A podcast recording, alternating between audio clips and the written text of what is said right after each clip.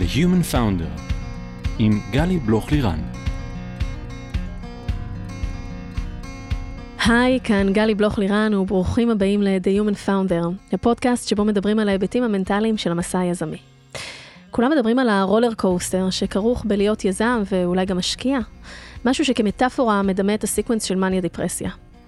איך חווים low חזק כשאת חווה רצף של אובדנות בשנה אחת, ואיך מרגישים היי מטורף כשאת בגיל 50 מצליחה לעשות טרק בפרו עם בני 25. והמקום הזה, חוסר הוודאות הזה, הצורך לשמור על עצמנו כל הזמן, ברמת ניהול עצמי גבוהה, אנרגיה גבוהה ועם חוסן מנטלי להתמודד עם הכל, זה ממש לא פשוט. בכל פרק אני אשוחח עם יזמים, משקיעים, יועצים, פסיכולוגים, יועצים ארגוניים, במטרה לתת מקום ללייר הנוסף הזה שפחות מדברים אותו בקול רם, ההיבט המנטלי שמלווה את הדרך היזמית, וגם אשתף עצות וכלים שיסייעו לכם לייצר פוקוס, בהירות וחוסן מנטלי, כדי להיות יזמים מאוזנים שטוב להם. נהנים מהתוכן בפודקאסט שלי? רגע לפני שאנחנו צוללים לפרק, סמנו לכם לעקוב אחרי הפודקאסט באפליקציה בה אתם מאזינים, ספוטיפיי, גוגל פודקאסט, אפל פודקאסט ונוספות. כך תשמרו את האצבע על הדופק ותהיו מעודכנים עם כל הפרקים שיוצאים ישירות לפיד שלכם, וגם זה יעשה לי נעים בלב. לחצתם פולו? בואו נצלול. היום איתי כאן אה, דנה פרג, דוקטור דנה פרג, אהלן דנה, ואיזה כיף שאת כאן. היי גלי, לקח לנו זמן, אבל פעם שלישית גלידה. לגמרי, הצלחנו. הצלחנו. דנה, את uh, פסיכולוגית של עולם העבודה, ראש תוכנית התואר השני בהתנהגות ופיתוח ארגונים באוניברסיטת רייכמן, צריך להגיד רש"ת, נכון? מסייעת לנשים ואנשים ולארגונים לשאול מחדש את השאלות שמעסיקות אותם, ויחד למצוא בעצם מבט חדשני ודרכי פעולה מיטיבים בעשייה שלהם בעולם העבודה. את מרצה בארגונים בנושאים של משמעות, התפתחות קריירה ויחסים בעבודה, ובשעות הפנאי שלך אפשר למצוא אותך בדרך כלל עם ספר ותערוכות במוזיאון או צועדת בטבע. אז איזה כיף שאת פה, ויש לנו מלא מלא דברים לדבר עליהם, ואנחנו נצטרך לסנן את זה, כי אנחנו שתינו, יש לנו הרבה מה להגיד.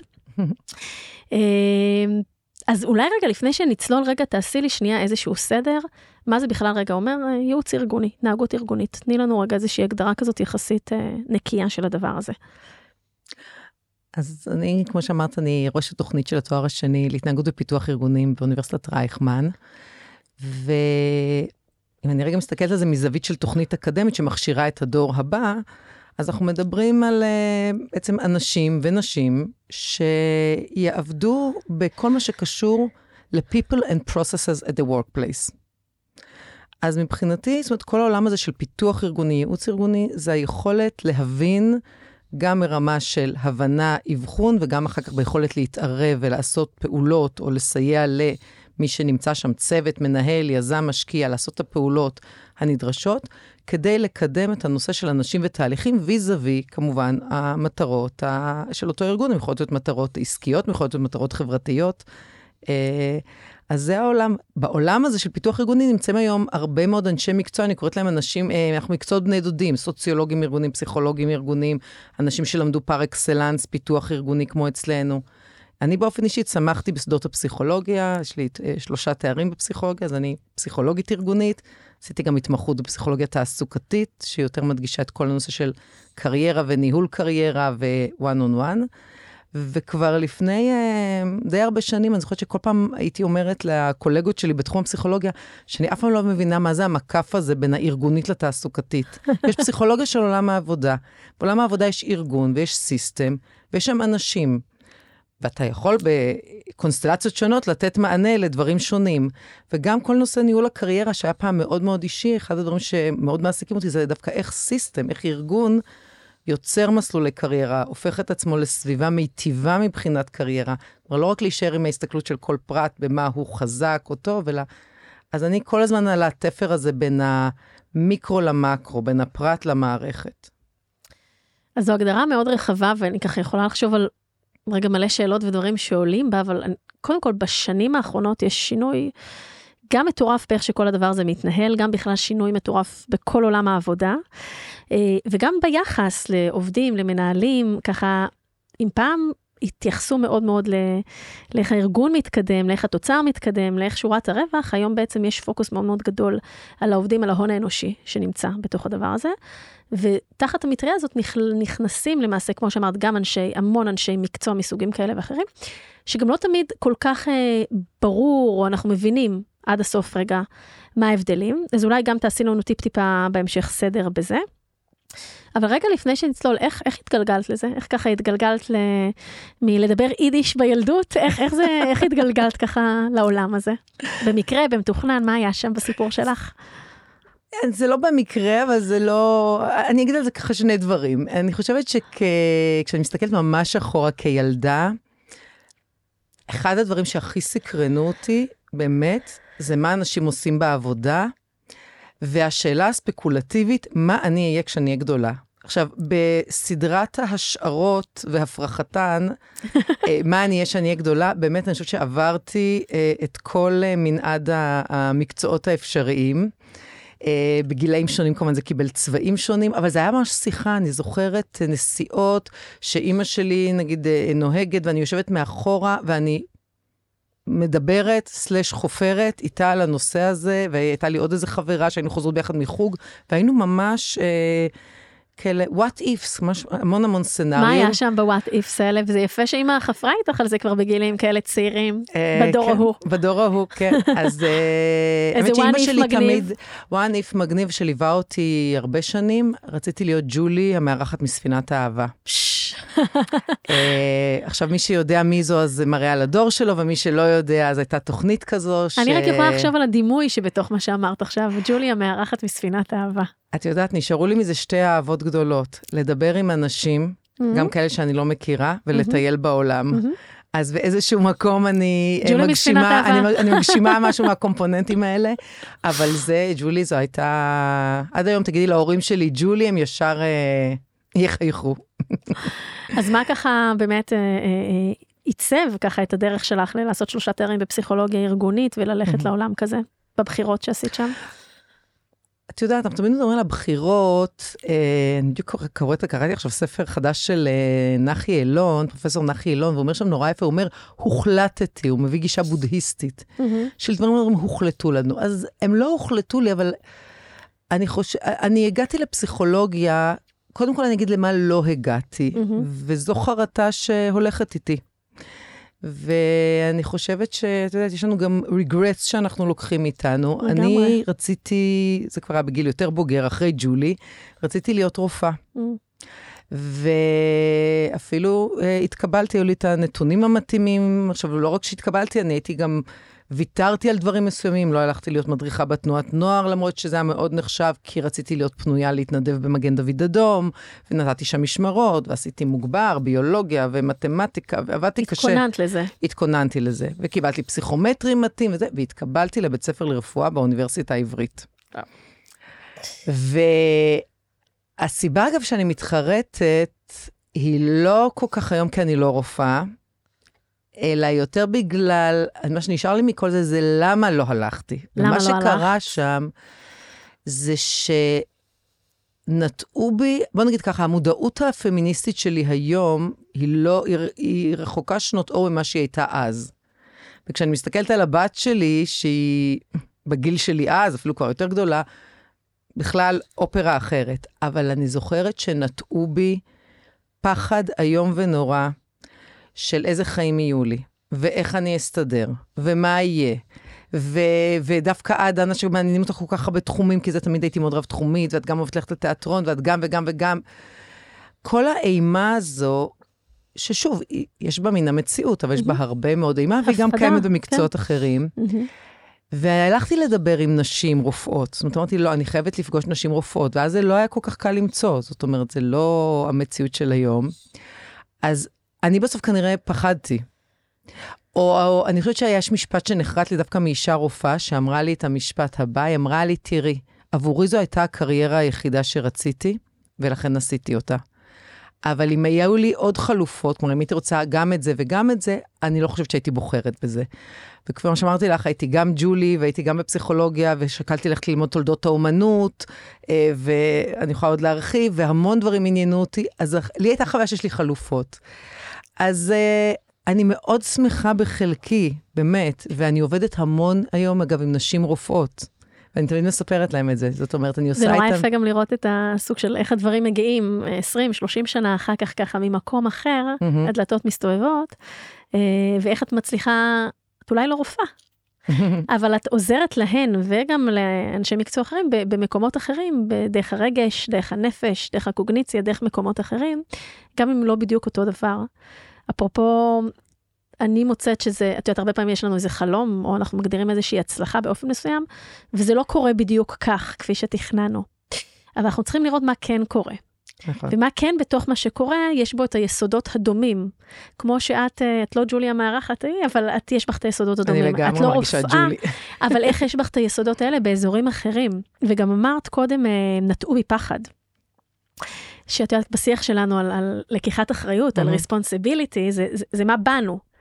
ואולי אולי שווה להתבונן בזה, זה דברים שיש בך, שהיו בך, כמו שבי יש, כמו שבכל אחד יש את הדברים שלו, שהשיח שהיה מסביב מאוד התיישב על המקומות האלה, וזה ניצח. Mm-hmm. בסוף, אנחנו, אני מאמינה שאנחנו צריכים רגע לקחת אחריות על הבחירות שלנו.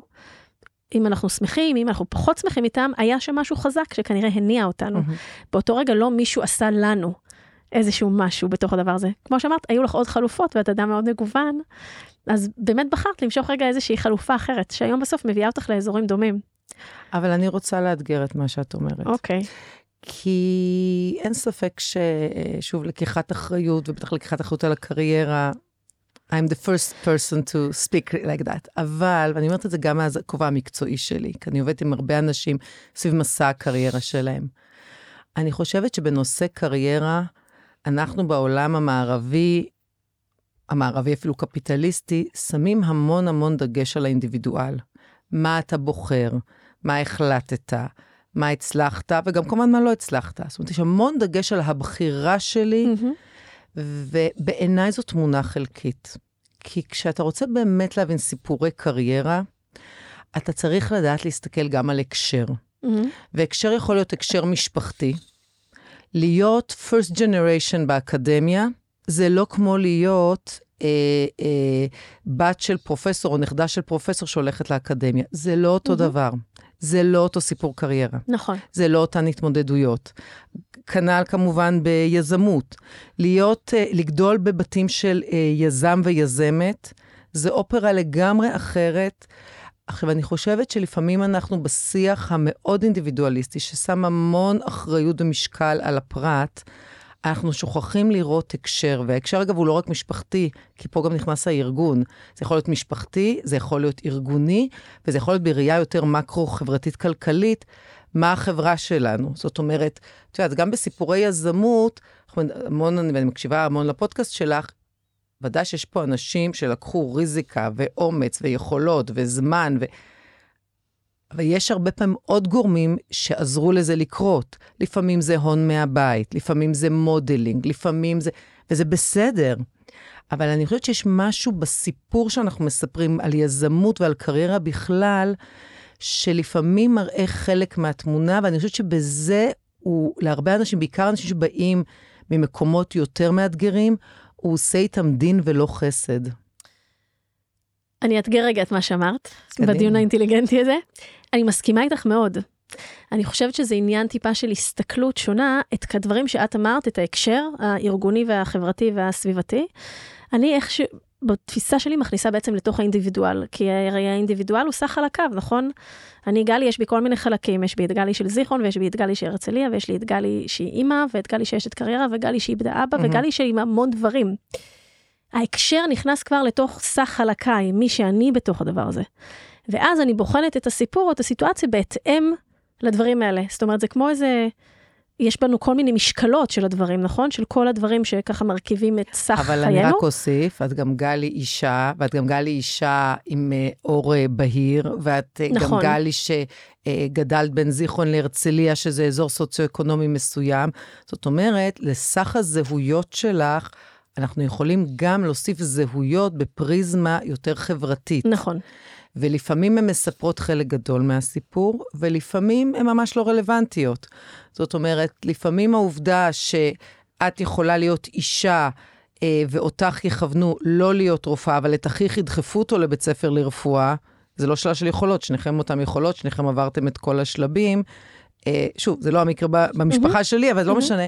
זה מספר סיפור הרבה יותר מגדרי, חברתי, משפחתי, מאשר רק סיפור ספציפי לגלי. ואני חושבת שכשאנחנו מצליחים לראות, אני תמיד אומרת את זה גם לסטודנטים, סביב סוגיות של זהות וזהות mm-hmm. מקצועית, להצליח להסתכל כל הזמן בכמה משקפיים. זאת אומרת, כמו מולטי פוקל. Mm-hmm. בסדר? זאת אומרת, לראות אותך, או את הנועץ, או את היזם, או את המשקיע, במולטי פוקל. כן, זה כמו בת, ב, בתכנון בניינים, זה סופר פוזיציה. זה כאילו לקחת את כל הליירים אחד על השני, ולראות, ו, ואני באמת חושבת שגם כמנהלים, אנחנו צריכים להכיר בדברים האלה, מנהלים, יזמים, אנשים שעובדים עם אנשים, להכיר בבייסס האלה שיש, בדעות אה, אה, אה, המוקדמות האלה שיש, בכל הדברים האלה, כדי להיות ערים אליהם ולהסתכל מבעדן, לא, לא להתעלם מהם, ולהנכיח אותם, לא כדי לקיים אותם, אלא להפך, כדי להיות ערים אליהם ומוכרים. ואני חושבת שזה חיבור נהדר. אה, לנושא שתכף ניגע בו ככה וניכנס, שמדבר בעצם על המורכבות, על הקומפלקסיטי של דברים של, את יודעת, שחשבתי על מה אני רוצה לדבר איתכם בפרק, כי יש לנו מלא מלא דברים, אז עולם הסטארט-אפים, עולם היזמות, הוא עולם שכל היום מתנהל בחוסר uh, ודאות. זה, זה טבע העניין, אין לנו מושג מה יקרה מחר, יהיה כסף, לא יהיה כסף, ה runway שלנו ל... שמונה חודשים, פתאום ה runway שלנו מתקצר, פתאום לא הצלחנו לגייס, פתאום חשבנו שה product מעולה, פתאום יש איזה באג רציני וזה, ירדו כמה לקוחות, כל הזמן יש לנו, גייסנו סוף סוף talent מדהים, ופתאום סטארט-אפ אחר גנב אותו. כל הזמן אנחנו מסתובבים בתוך סביבה כזאת שהיא VUCA, שהיא, שהיא חסרת uh, ודאות, שהיא נתונה לשינויים. ו-in that sense, אם אנחנו נסתכל רגע במקרו על מה שקורה היום בעולם, אז זה פשוט העצמה של מה שהיזמים ואנשים שעובדים בסביבה הזאת רגילים אליה. זה פשוט הווליום עלה קצת ככה לאקסטרים. המשבר הכלכלי שיש העולמי, ההזרמות של כספים לסטארט-אפים, המשבר הפוליטי שאנחנו עכשיו פה בישראל מתמודדים איתו. זה פשוט מעצים את החוסר ודאות שאנחנו, הוא, הוא, אה, את יודעת, ה-bread and butter שלנו כיזמים להתמודד. אז ככה חשבתי שנתעמק בכמה אה, סוגיות או כלים או דברים שעולים בעצם אה, איך אנחנו מנהלים ויזמים מתמודדים עם הכאוס הזה, עם התחושה הזאת ככה של החוסר ודאות, ואיך אנחנו מתנהלים בתוך, ה, בתוך הדבר הזה, ככה כל מיני דברים שיכולים לעזור לנו. ואולי אחד הדברים שבאמת אה, בואי ניגע בו אה, קצת, זה כל הנושא של קומפלקסיות, קומפלקסיטי. איך אנחנו מכילים את המורכבות של להיות גם כזה וגם כזה, או גם כזה או לא כזה. בואי קצת ככה קחי אותנו לשם. אוקיי. Okay.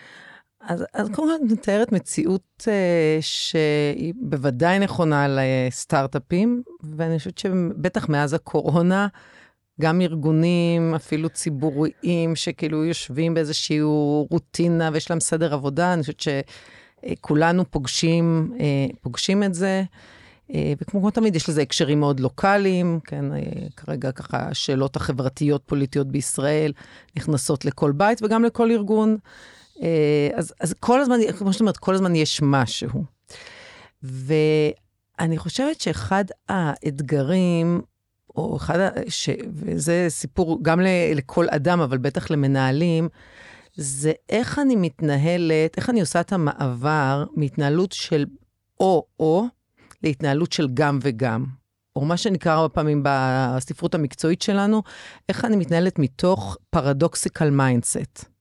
זאת אומרת, mindset שמצליח להחזיק חשיבה פרדוקסלית. עכשיו, מה זו חשיבה פרדוקסלית? חשיבה פרדוקסלית זו ההבנה, וזו הבנה גם אינטלקטואלית וגם רגשית, שיש שני דברים שהם סותרים, אוקיי? אבל הם מתקיימים בו זמנית. וזה לא הולך להיגמר. עכשיו, כל מי שמצוי במערכות יחסים, בין אם זה בעבודה ובין אם זה מחוץ לעבודה, מערכות יחסים כמעט תמיד, בטח מערכות יחסים משמעותיות, כן? כמעט תמיד יהיה בהם גם וגם. זאת אומרת, גם האדם שאת הכי אוהבת והכי קשורה אליו, ובחרת להיות איתו ואת רוצה להיות איתו והוא איתך, יש פעמים שאת רוצה יותר אוטונומיה, שאת רוצה יותר space, שאת רוצה יותר חופש. אה, זאת אומרת, אני חושבת על אה, מתח בין, בתוך עבודה למשל, בין אה, מנהל ליועץ משפטי. כן, המנהל רוצה לקדם עסקית, לפתח, לעשות, היועץ המשפטי יתחיל להגיד לא ככה, לא ככה, לא ככה, לא ככה. הרבה פעמים הם הופכים את זה לאיזשהו קונפליקט ביניהם. אבל בעצם יש פה מורכבות שחייבת להתקיים. זאת אומרת, זו לא שאלה של either or, זו שאלה של both and. אמהם. עכשיו בואו נשבור את הראש, איך עושים דברים, גם יצירתיים, גם business wise, גם כמובן עומדים בחוק. עכשיו, אנחנו הרבה פעמים, מאוד קל לנו לראות את זה כשזה שתי פיגורות, אמהם. מנכ"ל, יועץ משפטי, או איש כספים, איש שיווק. בדיוק, שיווק וכספים, או בסדר, כספים ו product. מאוד קל לראות את ההנגדה הזו ולשים אותה על שני אנשים. אבל בעצם, ובוודאי מנהלים ופאונדרים של סטארט-אפ, בעצם שני הקולות האלה יושבים אצלנו. זאת אומרת, בשיח, מי שעכשיו מחזיק עבורי את הקול הזה, זה איש הכספים או הליגל, והוא מייצג את העמדה הזו. אבל המתחים האלה הם לא רק בין שניים בחוץ, הרבה פעמים הם בתוכנו. והסיפור... זה כאילו כמו בקומיקס, מהמם. שיוצאים כאלה שני העננים של השיחה. זה בעצם, הרבה פעמים הרי כשאנחנו מדברים עם מישהו או מישהי, העמדה שהם מציגים, משקפים לנו את ה, מה שאנחנו אוהבים או פחות אוהבים בתוך המחשבות שלנו. אמהם. הם פשוט הזירה שבה הדבר הזה נותן לנו איזושהי רפלקציה. ואז בעצם אנחנו כמנכ"לים, יזמים, אנשי כספים, אנשי product, לא משנה, product זו דוגמה מעולה, כי הוא צריך לקבל כל כך הרבה אינפוטים מהאלגוריתמיקאים ומה business ומהאפיון ומה-UX, הוא באמת עושה אגרגציה של הכל הכל ביחד, של כל הקולות האלה, ואז מה, מה הוא שולף בסוף הדבר הזה. וזה להכיל את כל הקולות האלה, כאילו פעם יש לך ענן כזה, ופעם יש לך ענן כזה, ואתה מבין שהם גם דרים בתוכך. נכון. ואז הדבר הזה הופך גם להיות איזשהו משהו רגע מול עצמנו, שאם אנחנו לא מחזיקים אותו טוב, יכול גם לגרום מאוד אה, לערעור הביטחון. זה מעניין, יש אה, תיאורטיקן, ואם שוב תרצי, אני אה, אשמח לצרף חומרים, אה, שמדבר על דמוקרטיזציה של הקולות הפנימיים. אוקיי. עכשיו, היום המילה דמוקרטיה הפכה להיות מילה טעונה, אבל דמוקרטיזציה של הקולות הפנימיים. זאת אומרת, כי אחד הדברים שמאוד חשוב, שוב, במסגרת שאני צריכה להיות אדם יותר מודע לעצמי, דווקא שיש לי כאלה אתגרים וקומפלקסיטי ואנשים שונים, וכל אחד מביא משהו אחר לחברה, אני... זה לא עניין של uh, nice to have. Mm-hmm. כאילו, מנכ"ל של uh, חברה, בטח בכאלה אתגרים, חייב את היכולת הזו למורכבות. אז דן, אם אנחנו מורידות את זה רגע לקרקע, כי את ואני מבינות את זה, וגם המאזינים, אני מניחה שמבינים את זה וגם מכירים את זה. איך ברמה הפרקטית, אנחנו מנסים, לא יודעת אם ליישב, כי זה לוקח זמן, אבל באמת, גם להחזיק את הדבר הזה, של יש במקום או-או, גם וגם, ושהוא עדיין יישאר ברמה אפקטיבית, כי בסוף אנחנו לא יכולים גם וגם מהמם. להכל, אנחנו צריכים לשמור על פוקוס. מהמם. איך באופן פרקטי נכון לנו להתנהל, כדי גם לייצר את המרחב הזה יותר ולהיות מסוגלים לשמוע את הדברים האלה, וגם בסוף להתקדם. ככה כמה עקרונות פרקטיים. לעשות את הדמוקרטיזציה של הקולות האלה. דמוקרטיזציה. תראי, אני חושבת ששלב ראשון הוא באמת שלב פנימי של להתיידד עם הפרדוקס. זאת אומרת, להבין שהפרדוקס, למשל, בתחום הביצוע, בין, תקראי לזה, יעילות ליצירתיות, או בין uh, כמות לאיכות, או המתח בתחום הלמידה, בין תוצאה לתהליך, או בתחום השייכות, כן, ארגונים רוצים שיהיה engagement ושייכות, אבל יש שם מתח בפעמים בין כוח, power ל collaboration.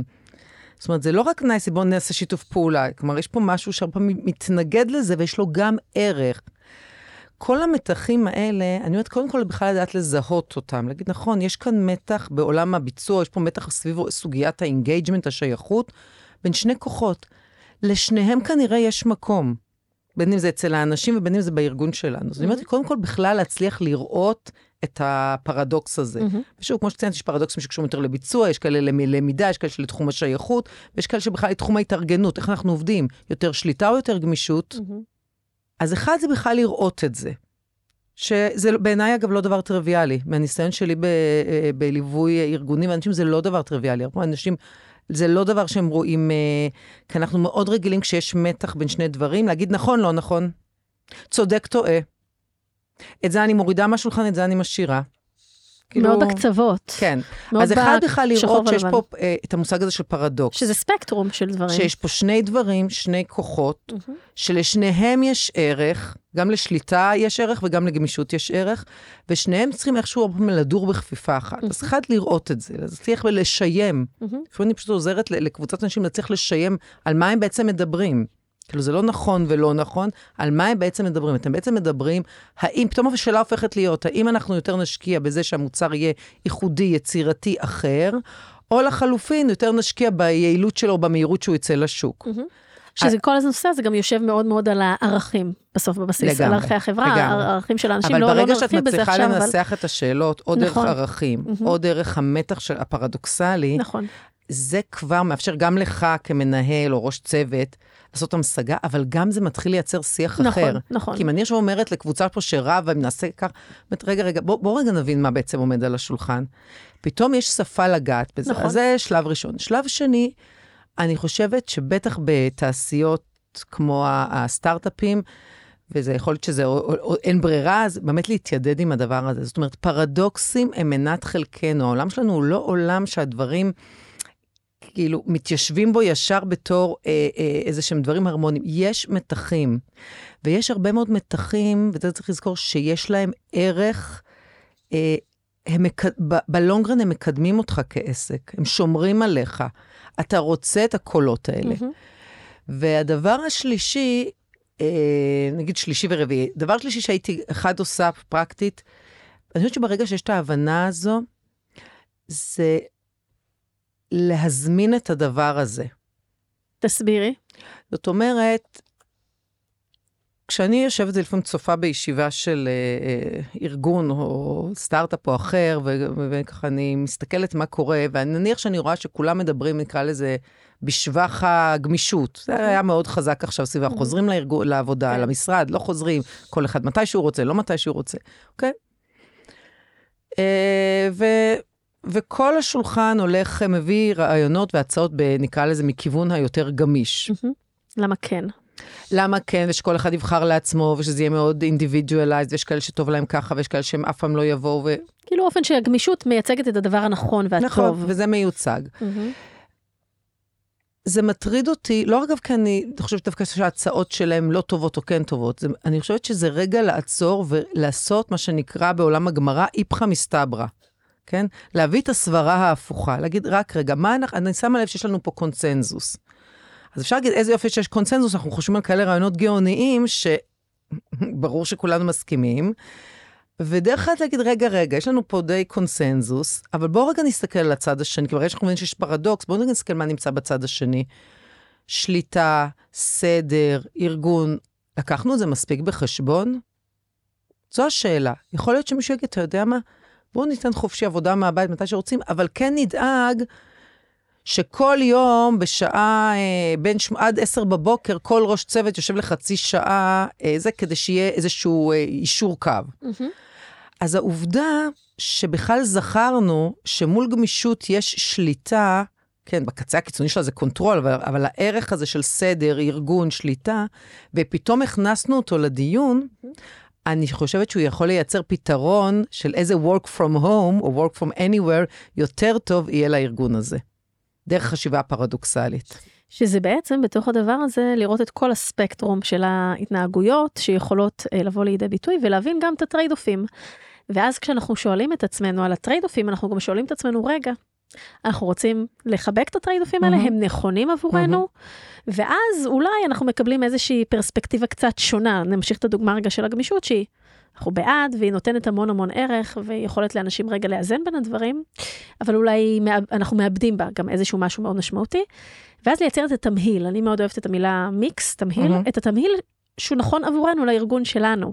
ולכל ארגון יש את התמהיל שלו, שקשור לערכים שלו, לאנשים שנמצאים בו, לאנשים גם שמובילים אותו, שברור שהדינמיקה והאקלים הארגוני, נגיד בהקשרים האלה, מאוד מאוד מושפעים גם ממי, ש... ממי שמוביל את הארגון. איך, איך הם רואים את הדברים ומה הם מביאים פנימה. אני אוסיף על זה עוד משהו, כשאת אומרת לראות את ה... והמילה מיקס היא בדיוק זה, כי מה זה מיקס? מיקס זה לא either or, זה both and. כן, נכון, זה לעשות באיזה. percentages, באיזה חלוקה בדיוק. מחלקים את הפאי. בדיוק. והדבר הנוסף, שמעבר למה שאמרתי, להשמיע עוד קולות, או דמוקרטיזציה של. הקולות, זה גם היכולת אה, להתחיל לעשות, לשחק עם הדבר הזה ולעשות לו reframing. כי שוב, נצמד לדוגמה הזו, אנחנו רגילים להגיד, גמיש זה טוב, שליטה נגיד זה רע, זה כבר מקום שעושה לנו חשיבה צרה יותר. אז איך היית כן. מציעה להסתכל על זה, נגיד אם בדוגמה של הגמישות, איזה reframing היית עושה אז לה? reframing למשל הייתי שואלת, מה חשוב לנו שיקרה לצוותים שלנו בזמן עכשיו העבודה? איזה דברים חשוב לנו שיקרו? אז מישהו יגיד, נורא עוד חשוב לי שאנשים ירגישו שהם יכולים לחיות, שיש להם מספיק זמן לחיים הפרטיים שלהם. אוקיי, מה עוד חשוב לנו? עכשיו, פתאום רגע, פתאום מישהו יגיד, רגע, חשוב לי שאנשים ייפגשו, שיהיה להם חיבור למקום הזה, כי אחרת, בעצם, למה שמחר הוא לא ילך לחברה אחרת, שגם הוא יושב באותה דירה שלו וגם עובד מהבית? אני רוצה שהם יהיו מחוברים פה. אה, אוקיי. אז פתאום השאלה היא אחרת, מה עוד חשוב לנו שיקרה כאן? זה שוב, תראו, תמיד אני אומרת, בשביל להגיע לתשובות טובות, צריך לשאול שאלות טובות. אז זה, זה פתאום, זו שאלה שהיא פותחת אחרת. וברגע שאתה חושב בפרדוקסים, אתה מבין שיש משהו בקצה השני, שהוא ערך ששווה לפחות להתייחס אליו ברמת השאלה. יכול להיות שהוא נגיד, תקשיבו, זה לא בסט שלנו, אה, או, או לא, אנחנו בכמות ורסס איכות, חד משמעית איכות, איכות, או חד משמעית כמות, כמות. אבל לפחות בואו נדבר את זה. אז מהמם, אז אני רוצה רגע לחזור שנייה על מה שדיברנו פה בהקשר של לארוז את זה רגע. אז באמת דיברנו... לי. כאילו זה... שעושים לך ככה רגע שאת אריזה עושה לי קטנה, כזה, כן, כמו. מתנה. תבדקי שאני אני, אני מדייקת, ככה משקפת. נכון את הדברים שאמרנו.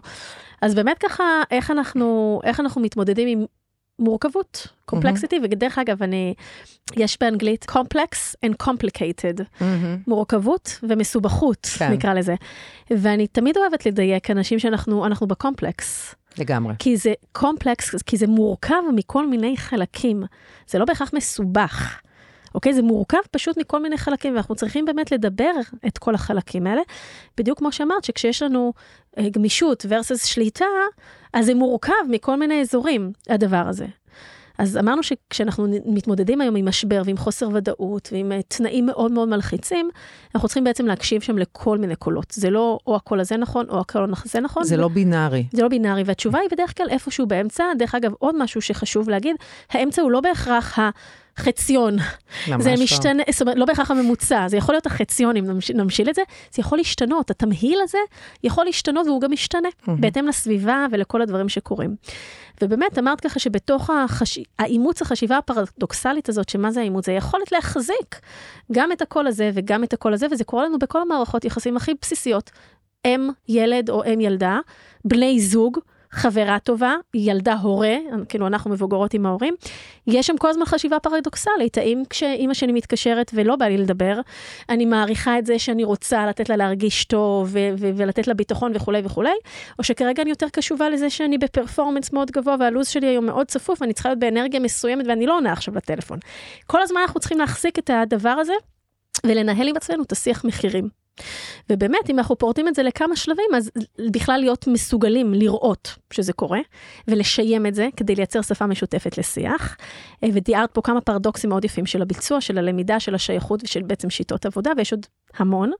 ופה אה, ניתן קרדיט לפרופסור אה, אלה מירון ספקטור, שהיא בוגרת הטכניון, אבל היום היא פרופסורית באינסיאד. שהיא עוסקת הרבה מאוד שנים בזה, וחלק מההמשגה פה היא שלה, ושל פרופסור מרים ארז, אז אז תודה לכן. אה, אני כותבת לי את זה אפילו להמשיך. והדבר השני אמרנו אחרי שאנחנו משיימים את זה ומכירים את זה, אז להת- להתחיל להתיידד עם זה, כי אנחנו כאילו, כשאנחנו גדולים, יש לנו איזו משאלה כזאת, אה, או כשאנחנו קטנים בעצם, יש לנו איזו משאלה שמתישהו הכל יהיה ברור כזה.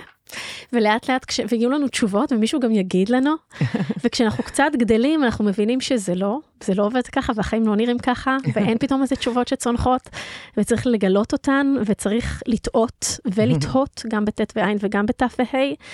אה, ולהתחיל להתיידד עם המתח, עם החרדות, עם כל הדברים האלה שהם שם, כי אלה החיים. והדבר הבא זה באמת, כמו שאמרת, להזמין את זה ולהתחיל לבדוק את המשמעויות והאיפכא מסתברא. זה כמו שאנחנו אה, דפאות, נכון? בצבא או בחיים אנחנו עושים לנו מה דרכי פעולה אפשריות לכל סיטואציה. אני רוצה לגייס עכשיו כסף כיזמת, ואני רוצה לגייס בוולואציה הזאת או הזאת, אני רוצה לגייס שלושה מיליון, אני רוצה לגייס חמישה מיליון, אז אני צריכה להבין, כי מצד אחד זה ייתן לי יותר ביטחון עכשיו, מצד שני זה מאוד ידלל אותי בהמשך, הוולואציה תהיה יותר נמוכה. להבין פשוט מה הפת הזה, לאן הוא ייקח אותי, ומה הפת הזה, לאן הוא ייקח אותי, ומה יותר נכון לי. אין לנו מושג אם התשובה אחר כך תהיה נכונה, אם הבחירה תהיה נכונה, אבל לפחות נדע ששאלנו את עצמנו את השאלות הנכונות, ובתהליך הבחירה בדקנו את הדברים והתמודדנו עם הכל. ובאמת הדבר האחרון אגב, ש... אגב, זו נקודה נורא חשובה. האחריות שלנו על שאלת השאלות ועשיית הבדיקות, הן יכולות להיות משפטיות, כלכליות, mm-hmm. משקיעים, חלופות, דפאות. על זה יש לנו אחריות. זאת אומרת, אני חושבת שיש לנו אחריות כיזמים, כמשקיעים, כמי שעובד איתם, לשאול שאלות, לשאול שאלות נוקבות, לשאול שאלות מורכבות, להכניס מורכבות לחדר, להביא דאטה, שוב, לפי הסוגיה mm-hmm. בתחומים השונים. על זה יש לנו אחריות. יש דברים שאין לנו עליהם שליטה. Mm-hmm. אין לי שליטה אם בעוד שנה חלילה יהיה משבר כלכלי, או הפוך, תהיה פריחה כלכלית. אין לי שליטה mm-hmm. על הדבר הזה. ואני חושבת שההבחנה הזו בין מה יש לי עליו אחריות, בכל מקצוע, ובוודאי אצל מנכ"ל או יזם ומי שמוביל, על מה יש לי אחריות ועל מה אין לי שליטה, זו הבחנה ש... מה שאת אומרת, אולי כשהיינו ילדים חשבנו שזה יהיה יותר קל לזהות את זה כשנהיה גדולים. לא, אני חושבת שכל הזמן אנחנו צריכים לחדד את זה. וכל הזמן להיות עם זה על אצבע, לגמרי, על אצבע על הדופק, ובדיוק הייתי בשיחה ככה אה, עם חברה טובה שהיא גם פסיכולוגית, ודיברנו על איזשהו ציטוט כזה נורא יפה, שהיא ראתה תלוי בחדר של פסיכולוגית אחרת, רילקס, nothing is under control. וישבנו כאילו ביחד פתאום וצחקנו כל כך מהמשפט הבאמת מאוד חכם הזה, כי אנחנו כל החיים מנסים להכניס את הדברים לשליטה ולהבין איפה השליטה שלנו על הדברים. ואני חושבת שחלק מההתפתחות שלנו כבני אדם קודם כל, וכמנהלים וכיזמים וכהורים ובכל המישורים, זה להבין את הפרדוקס של השליטה הזה. לגמרי. שאין לנו באמת שליטה על כלום. אפשר לקחת את זה קצת יותר, את יודעת, לבודהיזם ולמזרח וכולי, אבל על מה יש לנו אחריות, ומה בכוחנו לעשות, ומה בכוחנו להשפיע, ומה בכוחנו לבדוק, ומה בכוחנו לעשות את מירב המאמצים, אבל אז גם ללמוד לשחרר. כי אין לנו באמת את היכולת, אנחנו לפעמים משקיעים המון המון אנרגיה, בלנסות נורא בכוח להחזיק את הכל, כשבעצם לוקח לנו זמן להבין שזה סתם ככה הוצאה של אנרגיה מיותרת.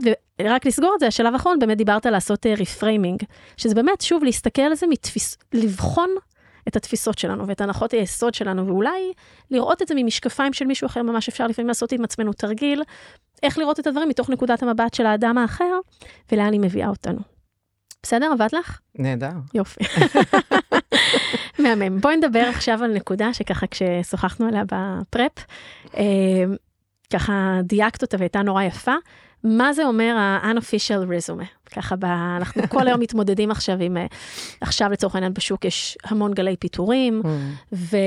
ויש המון התמודדויות ככה עם הקושי אה, בגיוסים, גיוסים כספיים שמשפיעים בצורה ישירה על הגיוסים של הריקרוטמנט mm-hmm. של האנשים, ו, ויש גם נוצר היום מצב שנגיד לפני שנה היה הפוך לחלוטין, של היצע גדול של המון אנשים מאוד מאוד מוכשרים, הרבה טאלנטים בשוק, ואז איך אנחנו בוחרים? כשיש לנו אפשרות לבחור, כשהשוק עוד פעם חזר להיות קצת שוק יותר בידי המעסיקים, אה, ואולי קצת פחות בידי העובדים ממה שנגיד השתנה לפני שנה או ב-21-22. מה החשיבות בעצם של להכיר את האנשים במעבר, לראות את מה שכתוב בין הקורות חיים, בין הבולטים, ולא פחות איך האנשים בוחרים להביא את עצמם mm. פנימה. אה, טוב, שאלת הרבה דברים. תבחרי מה שבא לך. את יודעת, זה, זה קצת קשור ל, ל, לפתיחה שאת, בחלק אה, הראשון, את, את אמרת על הזהויות השונות שלך. אוקיי? ואמרת, אני גם אימא, ואני גם בת, ואני... יש לי מלא, שמעת רק חלק. בדיוק. אז, אה, ו... ואחד הדברים המעניינים שהרבה פעמים קורים, ואני עכשיו מתייחסת עוד, את יודעת מה, אני מתייחסת אפילו לאלה שכבר אתה עובד איתם. כן. מי שמקשיב, מי שהיום אתה לא מגייס, לא... מי שהיום איתך בצוות בארגון. בסדר, mm-hmm. מי שהיום אתה בא איתו, אם זה ארגון גדול, אז מי שהיום אתה בא איתו במגע ישיר אה, במהלך, נקרא לזה שבוע עבודה. אז הרבה פעמים אנחנו, לכל אחד מאיתנו יש רזומה מקצועי, בסדר? ויכולים לראות את זה בלינקדאין ובכל מקום אחר. אבל לא פחות חשוב מזה, זה מה שאני קוראת ה-unofficial resume. Mm-hmm. וזה בעצם מי את כבן אדם. זאת אומרת, עם איזה אה, תפיסות אה, את, את מגיעה, לא רק איזה יכולות את מגיעה, כי בסופו של יום, הדרך שבה את עובדת, האיך תעשי את העבודה, בסדר? זה לא רק איך אה, תכתבי את האלגוריתם, זה ייבדק בסקילס, ביכולות וכך הלאה. אבל איך תעשי את העבודה קשור לאיזה דפוסים יש לך, וסיגלת לעצמך, לדרכי עבודה. ושוב, גם פה אני לא אתחיל להגיד טוב ורע, כי זה יהיה מאוד תלוי גם בתרבות הארגונית וגם בתפקיד שחסר בצוות מסוים. וגם ביחס, אפרופו מה שדיברנו בהתחלה, להקשר, אז גם במערכת יחסים עם מי שאת הולכת לעבוד איתו, מה הוא רוצה, או לגמרי, היא רוצה בתוך הדבר לגמרי. הזה. לגמרי. אז לכן, שוב, זה לא דברים פה אבסולוטיים. נכון. אבל ההבנה הזו שכל אחד מאיתנו, כשהוא בא בבוקר לעבודה, תמיד אני אומרת, אף אחד לא תולה את עצמו על קוליו בחוץ. אנחנו כולנו מכניסים את עצמנו לתוך המשרד. עם מי שאנחנו. וכשהיינו בימי הקורונה, אז uh, כולנו הצצנו אחד לשני uh, לחדרים. אבל לא רק פיזית, אלא גם מטאפורית. אז אנחנו כולנו מביאים מגוון של זהויות. ואחד הדברים, אני חושבת שצריך להבין, זה שהיום כדי להגיע להישגים, לאותן שורות תחתונות עסקיות, את בסופו של יום צריכה לנהל את מה שאני קוראת את גן הילדים של הגדולים. Mm-hmm. לבוא לעבודה זה מבחינתי כמו ללכת לגן הילדים של הגדולים. אהבתי את זה, אני כותבת. כי תחשבי רגע, מה קורה במקום עבודה? בונים, אז לא בקוביות, אז בונים ב... בבלוקים, ב... או בבלוקצ'יין, או... או בכל מיני, יפה, כן. אז בונים. נכון. וגם הורסים. נכון. וגם מתחרים. נכון. וגם שמחים, וגם מתאכזבים. וגם בוכים. וגם בוחים, וגם לא בוכים כי לא נעים לפני, אבל בתוך הלב כן בוכים. ומקנאים, כי הוא קיבל העלאה ואני לא. וגם המורה כועסת לפעמים, מגננת. וגם uh, כועסים, וגם יש אי-הבנות. זאת אומרת, כל הדברים האלה שבכלל קשורים לעולם הזה של מערכות יחסים, נכנס לתוך הצוות והארגון. Mm-hmm. עם מה אני באה לזה, זה ה-unofficial resume שלי. Mm-hmm. זאת אומרת, למשל, מה קורה לי כשאני נמצאת במצבי חוסר הסכמה? מה קורה אה, למנהל כשפתאום קוראים תיגר על דעתו? מה קורה אה, למישהי אה, בצוות כשמישהי אחרת אה, קיבלה קידום ולא היא? זה בסוף ישפיע על איך הצוות הזה יתנהל. אחר כך אני יכולה לשאול מה אני כראשת צוות או כראש צוות יכולה לעשות אחרי שקידמתי את א', מסיבות יכולות מאוד מאוד טובות, ולא קידמתי את ב', ואני בסוף, הצוות הזה ממשיך לעבוד ביחד, או אני לפחות רוצה שהוא ימשיך לעבוד ביחד. אוקיי? אני גם צריכה כמנהלת, יש לי פה אתגרים ניהולים, לדעת איך לנהל את הדבר הזה. אז הדבר הזה, ההבנה הזו של בעצם, עם מי אני בעצם באמת עובדת? Mm-hmm. מי זה האנשים? עכשיו, זה מדהים אותי לפעמים לראות. יצא לי לעבוד עם קבוצה של מנהלים שכבר עבדו יחד, ב... הם היו בממשקים, אבל אני מדברת על אנשים שעבדו ביחד מעל חמש שנים.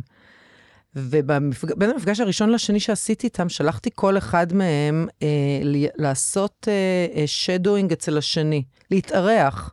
כן? זה כאילו שאני אבוא להתארח עכשיו אצלך, ואני אתלווה למה שאת עושה במהלך חצי יום. ואנשים בהתחלה ככה היו בספק על התרגיל הזה, אבל בסדר, אתה מארח אותי, ואחר כך אני מארחת אותך, ועד למפגש הבא צריכים האירוחים האלה לקרות. זה תרגיל, אגב, שאני עושה אותו אה, לא פעם ולא פעמיים. אה, אני לא אשכח שבתקופת קורונה הייתה לי קבוצת מנהלים שעשינו את זה גם, וזה היה עם המגבלות, אז גם קראנו לזה אה, קפה בקורונה עם מנהל אחר, ואני שידכתי ביניהם. זאת אומרת, זה לא היה אנשים דווקא שמאוד מכירים, mm-hmm. עשיתי קצת עבודת ריסרצ' לפני וחיברתי אותם בזוגות. זה די מדהים לראות עם מה אנשים חוזרים מהמפגשים האלה. עכשיו שוב, תגידי, תרגיל קטן, הוא לא יקר לחברה, אתם אפילו לא זקוקים לי בשביל זה. אנשים הלכו, אז שוב, כמו אמרתי, גרסה אחת הייתה משהו עם שדואינג, שממש מישהו התלווה, אז הוא פתאום ראה את האתגרים של השני במשרד. Mm-hmm.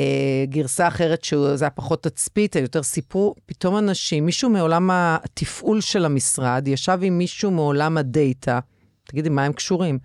ונוצר שיח מדהים. עכשיו, השיח היה בכמה רמות, הוא היה גם באופישל רזומה, פשוט סיפר פתאום מנהל עם מה הוא מתמודד.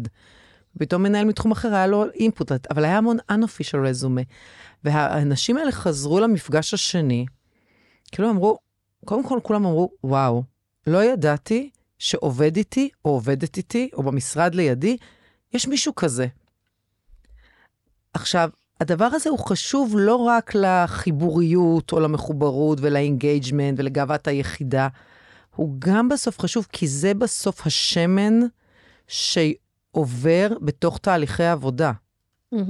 בסוף אני מבקשת משהו ממך, ואת אומרת לי, את מסרבת, או את אומרת לי לא עכשיו. ואני מפרש, כלומר, אני מבינה מזה ש... לא יודעת, את, את דוחה אותי. אבל את בכלל כרגע בפוקוס על מטלות מסוימות, ואת התכוונת... זה משמן הרבה יותר טוב את הדבר הזה שנקרא תהליכי עבודה. אני רוצה רגע למשוך כמה דברים מתוך מה שאמרת עכשיו אה, ולמרקר. ש- ש- שזה מקסים, זה העלה לי מלא מלא אסוציאציות ככה על כל מיני דברים. אז זה אומר שזה טוב. מעולה, זה מעולה, מה לקחתי. אז קודם כל, המשהו הבסיסי והקל זה שכמה אנחנו יכולים לעשות אפילו אקספלורציה בלי משאבים חיצוניים ובלי מלא יועצים ובלי מלא אוף סייטים ובלי מלא אמהם. דברים שבאמת דורשים כסף, אה, או כל מיני משאבים אחרים, רגע בתוך הארגון, בין אם זה סטארט-אפ קטן, בין אם זה סטארט-אפ גדול יותר, נגיד הדוגמה הזאת של ה shadowing היא ממש נפלאה, אפילו לחצי יום אתה רואה פתאום דברים אחרים, ופתאום אתה קורא את המייל שכתב לך אותו מנהל, ואתה מבין שזה לא רק אה, חוסר סבלנות, והוא ענה לי מאוד לקוני ומאוד ענייני ומאוד קצר את התשובה לשאלה, אתה מבין, למשל, עם איזה לחץ הוא מתמודד, עם איזה עומסים, כמה הוא חייב לתעדף, וכמה אולי הוא הרבה יותר עמוס ממה שאתה בכלל חשבת, כי הוא ברצפת הייצור נגיד, ואתה מהמם. במגדל השן במטה, ואתה לא ראית את הדברים האלה. אז כמה האקספלורציה הזאת היא, היא מעולה והיא מאוד אה, נגישה לנו. אנחנו רק צריכים להיות מספיק פתוחים אה, לעשות אותה, זה אחד. הדבר השני, שגם ככה מאוד יפה בעיניי, כשאנחנו מדברים על אה, ה-unofficial resume, אז הרבה פעמים אנחנו, וגם בראיונות עבודה, או גם אפילו ב-co-founders, כשאנחנו מנס, עושים dating ומנסים אמהם. להבין אם יש מה שאני קוראת לו founder, founder fit, להבין אם טוב לנו ביחד. It's a match. כן, if it's a match, it's a good match that will last. כן. אה, אז הרבה פעמים אנחנו אומרים, כאילו, מה טוב לך, מה אתה אוהב, איך אתה אוהב לעבוד, ידה ידה, המון באמת בהטיית החיוביות של הדברים. אה, או כשאני אני עובד בשיא שלי כשאני ככה וככה, או כשאני אוהב deliverables באופן הזה או הזה וכולי. אם נפנה, וזה לא ממקום של להפנות לחולשות או לדברים הלא טובים, אבל אם נפנה רגע גם את הזרקור ונשאל, למשל, מה קורה לך באזורים שבהם פחות נוח לך, בדיוק כמו הדוגמאות שנתת. כשמישהו מאתגר את ה... ממה אתה נעלב? גלי, ממה את נעלבת? לגמרי. מה יכול לגמור לך את יום העבודה מה- ולהשאיר אותך נעלב? חסרת אנרגיות? לגמרי, ומה קורה אה, כשאת מרגישה, מה גורם לך לקנא, ומה גורם לך אה, באמת אה, להרגיש חסרת ביטחון כשמישהו אחר עושה, ומה גורם לך אה, להפחתה בערך העצמי כשמישהו אחר עושה, ואפשר לקחת את זה למלא שאלות, מהמם. אבל עצם השיח והשאלה, השאלה שאלות מהמקום ה- כאילו המאתגר, והפגיעות שלנו מהמקומות הכואבים, שיש אותם לכולנו. כולנו מתמודדים עם הדברים האלה או אחרים, לכולנו יש את זה שם, אבל עצם זה שנזמין רגע את השיחה הזאת, ואפילו נגיד, תשמע, היה לי ככה וככה בחיים, נגיד סתם co-founders, חושבים עכשיו להקים סטארט-אפ. חוויתי את הדבר הזה וזה. יש לי אפילו פוסט-טראומה, לא במונח הפוסט-טראומטי של מהמם. ה-DSM, יש לי פוסט-טראומה על הדבר הזה, אני סוחבת יש לי איזה imprinting, ש- סוחבת איתי חזק להמשך הדרך.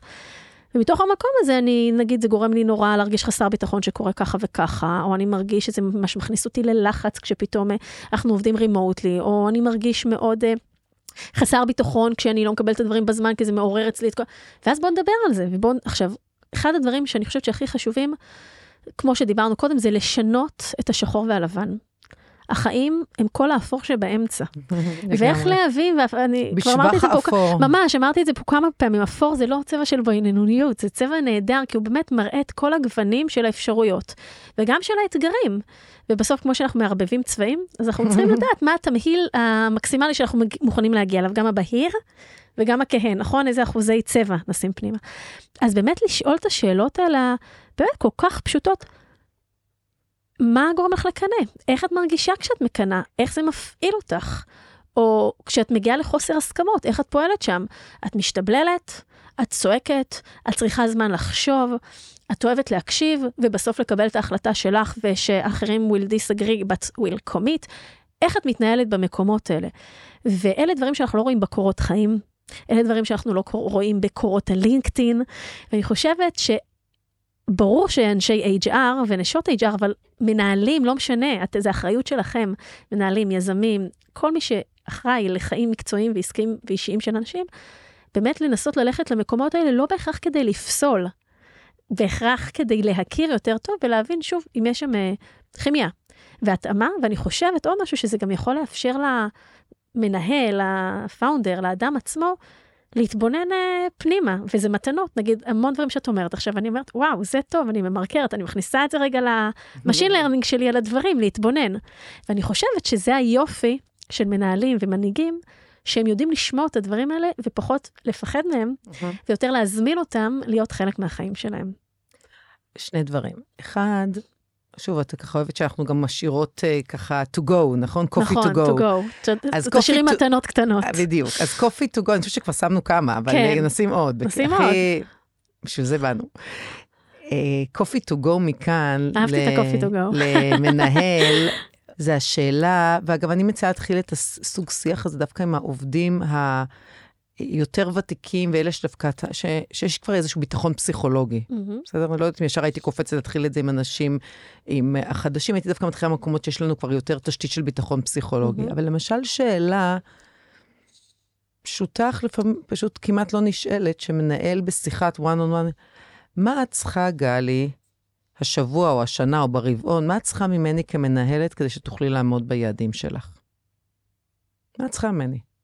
את צריכה איתי weekly, את צריכה, אה, את עוד צריכה לדעת שאני זמינה לך, את צריכה הפוך שאני ארד ממך וכאילו off ואת תפני אליי אה, כש, כשאת נתקעת, אה, את צריכה ממני עוד משאבים, את צריכה ממני אה, לצאת, זה יכול להיות מדברים קונקרטיים, את רוצה לצאת לאיזשהו כנס, את רוצה, את רוצה ממני שאני אוריד לך פרויקט, שאני אוסיף לך פרויקט, מה את צריכה, ממני רגשית, אוקיי? זה ממני טובה מעולה. זה לשאול פשוט. השאלה הזו, מה אבל אתה אני- צריך. ממש ככה, מה אתה צריך ממני? כי. בסוף, the leader, leadership is service. וזה service. מהמם. כשאני אומרת לך, אם אני מנהלת אותך, זה the servant צריכה? leader, כן. כן, מה את צריכה ממני? אה, עכשיו, הרבה, הרבה פעמים, אגב, יכול להיות שגם עובד יגיד, ממש סבבה לי ככה. זאת אומרת, זה מהמם. טוב לי שיש לנו את הזה, ואני גם יודעת ש, שאם יש משהו דחוף, אני יכולה, לא משנה, בסלק, בוואטסאפ הזה, זה סבבה. ויכול שמישהו, ויכול להיות שאנשים שלא רגילים לשמוע את השאלות האלה, וזה גם חשוב שמנהלים ידעו, מהמם. גם אם אתם לא מקבלים לזה תשובה מיד, זה בסדר, אתם יכולים להגיד לאנשים, לכו תחשבו על זה. כי זו לא שאלה שאנשים רגילים לשאול, נכון. וגם לא להישאל. נכון. אז זה, אם לא תקבלו מיד תשובה, זה לא אומר שאין תשובה. אתם יכולים להיות, תחשבי על זה, ובשבוע הבא שניפגש, או בפעם הבאה, תגידי, או אולי משהו יתחדד לך. וזו נקודה מאוד משמעותית, כי יש סגנונות שונים של אנשים מנהלים סגנונות תקשורת וכולי, יש כאלה שמיד יראו את התשובה, עם מחשבה וכולי, ויש כאלה שצריכים את זמן ההתבשלות. ואנחנו כמנהלים וכמנהיגים צריכים לדעת להכיל את המנעד של התגובות הללו, האלו והאלו. אני רוצה לשתף רגע עוד סיפור קטן, אני ממש הייתי בסיטואציה כזאת לפני... Uh, כמה ימים שעובדת שלי שעכשיו עוזבת ובמקומה נכנס uh, עובד אחר שעובד איתי ועשינו שיחת סיכום. זהו, שחיכיתי לה גם ככה את בפרדות. תכף נדבר גם על פרדות. אה, וחיכיתי לשיחה הזאת ובאמת בשיחה הזאת נתתי לה את כל הבמה להורי שלי ככה לדבר על הדברים. ואז באיזשהו שלב גם נהייתי עם דמעות בעיניים. כי אני אין מה לעשות, אני רגישה ואני רגשית והדברים מציפים אותי ואני נותן, למדתי לתת להם לצאת, זה חלק ממי מהמם. שאני. ואני רוצה להגיד שהמקום הזה שבו עובד או קולגה או משקיע נותן לך רגע, משקף לך את הדברים, מפדבק אותך על דברים, גם את ההוויה שלו ומה היה לו ואת העשייה שלו, וגם את מה אתה היית עבורו ברגעים הטובים והרגעים הטובים פחות, זה כל כך ממלא, וזה כל כך מעצים, ואין, אני לא, לא אגיד אין, אבל אני חושבת שרוב האנשים, שהם באמת פתוחים יותר ורוצים לגדול כל הזמן, זה נורא מתגמל לשמוע את הדברים האלה. כמו שאנחנו תמיד אומרים, שאופרה ווינפרי אומרת מה הדבר הראשון שכל מי שהתראיין אצלי בתוכנית שואל אחר כך זה how was I, נכון? אנחנו רוצים לדעת איך היינו. יש בנו את הצורך הזה לקבל איזשהו סוג של... תראי, בסוף. הפודקאסט תגידי לי, גלי, איך היה, נכון? אני כבר... אה, אנחנו זקוקים לזה, וזה בסדר, זה נורא טבעי. והמקום הזה שכשאנחנו מקבלים פידבק שהוא מכיל, שהוא מוחזק, שהוא... זה לא שהכל בו מושלם, ממש לא, אבל שהוא נאמר בצורה מכבדת, שרואה, שנותנת לך להבין שהיית משמעותי עבור הצד השני, גם אם חלק מהדברים עשית פחות מדויק, זה מאוד מעצים אותנו כבני אדם, ואני אני לא רוצה להגיד בהכללות, אבל אני לא חושבת שזה נגמר, הרצון שלך לגדול, להיות טוב יותר. גם אנשים שהם מאוד בכירים כבר, בסוף, זה אם- לא קשור לבחירות, נכון, זה הם, קשור הם מבינים את ה... בדיוק, שם הם עוד יותר מבינים לא- את הצורך הזה. לא, לעולם לא נגמרת הדרך להיות אדם. נכון. וכפועל אה, זה שזה גם להיות מנהל טוב ברור. יותר ו- ומנהיג טוב יותר. ברור. נגעת ככה, אנחנו כבר מתחילות לדבר הרבה, ויש לנו עוד מלא מה להגיד, אבל אני רוצה למשוך עוד איזה חוט. נגעת רגע שנייה באובדן, וככה Mm. כשחשבנו על הדברים, אז הייתה עוד נקודה שהייתה נראית לי ככה קצת אה, אה, נוגעת ו- ו- ומעניינת ככה לדבר עליה ב- בהקשר הארגוני, כי אנחנו חווים כל מיני סוגים של אובדנים. יכול להיות אובדן באמת ב... המשמעות המאוד ברורה שלו, שחלילה אנחנו מאבדים בן אדם, מסיבות כאלה ואחרות, ברמה האישית ואיך זה משפיע עלינו בחברה או בארגון, וגם זה יכול להיות בתוך הארגון ואיך הדבר הזה משפיע על, עלינו, שזאת הרמה רגע היותר ברורה, למה היא מפעילה וכואבת כן. אותנו, כואבת לנו כל כך. ויכולים גם להיות לנו אובדנים שהם לכאורה פחות נראים, יותר עמומים, פחות מוגדרים, או זה אובדן, אבל אותי, אותך, כל אחד מאיתנו באופן אישי, הם יפגשו במקומות מאוד אינטימיים, מאוד פנימיים, מאוד עם איזושהי תחושה של דחייה, או נטישה, או חסר, או בדידות, או כל מיני דברים כאלה. בואי תשתפי אותנו קצת ככה מהזווית שלך. קודם כל, שוב, כשאנחנו באמת מדברות על כל ה-relational intelligence הזה, שהוא הוא, רחב, אני חושבת שאחד הדברים שככה מאוד בולטים ועולים כל הזמן מהשיחה, זה כמה זה אה, מגוון בצבעים שלו. כי הרבה פעמים רגילים לדבר על אה, יחסים בתוך ארגון, ומדברים, הדבר הראשון שעולה זה הנושא של אמפתיה, או אמפתיה וחמלה. שני דברים סופר חשובים, כן? אני, אה, אני הרבה עוסקת בהם, והנושא של caring ו-compassion, אבל הם לא יכולים לעמוד לבד.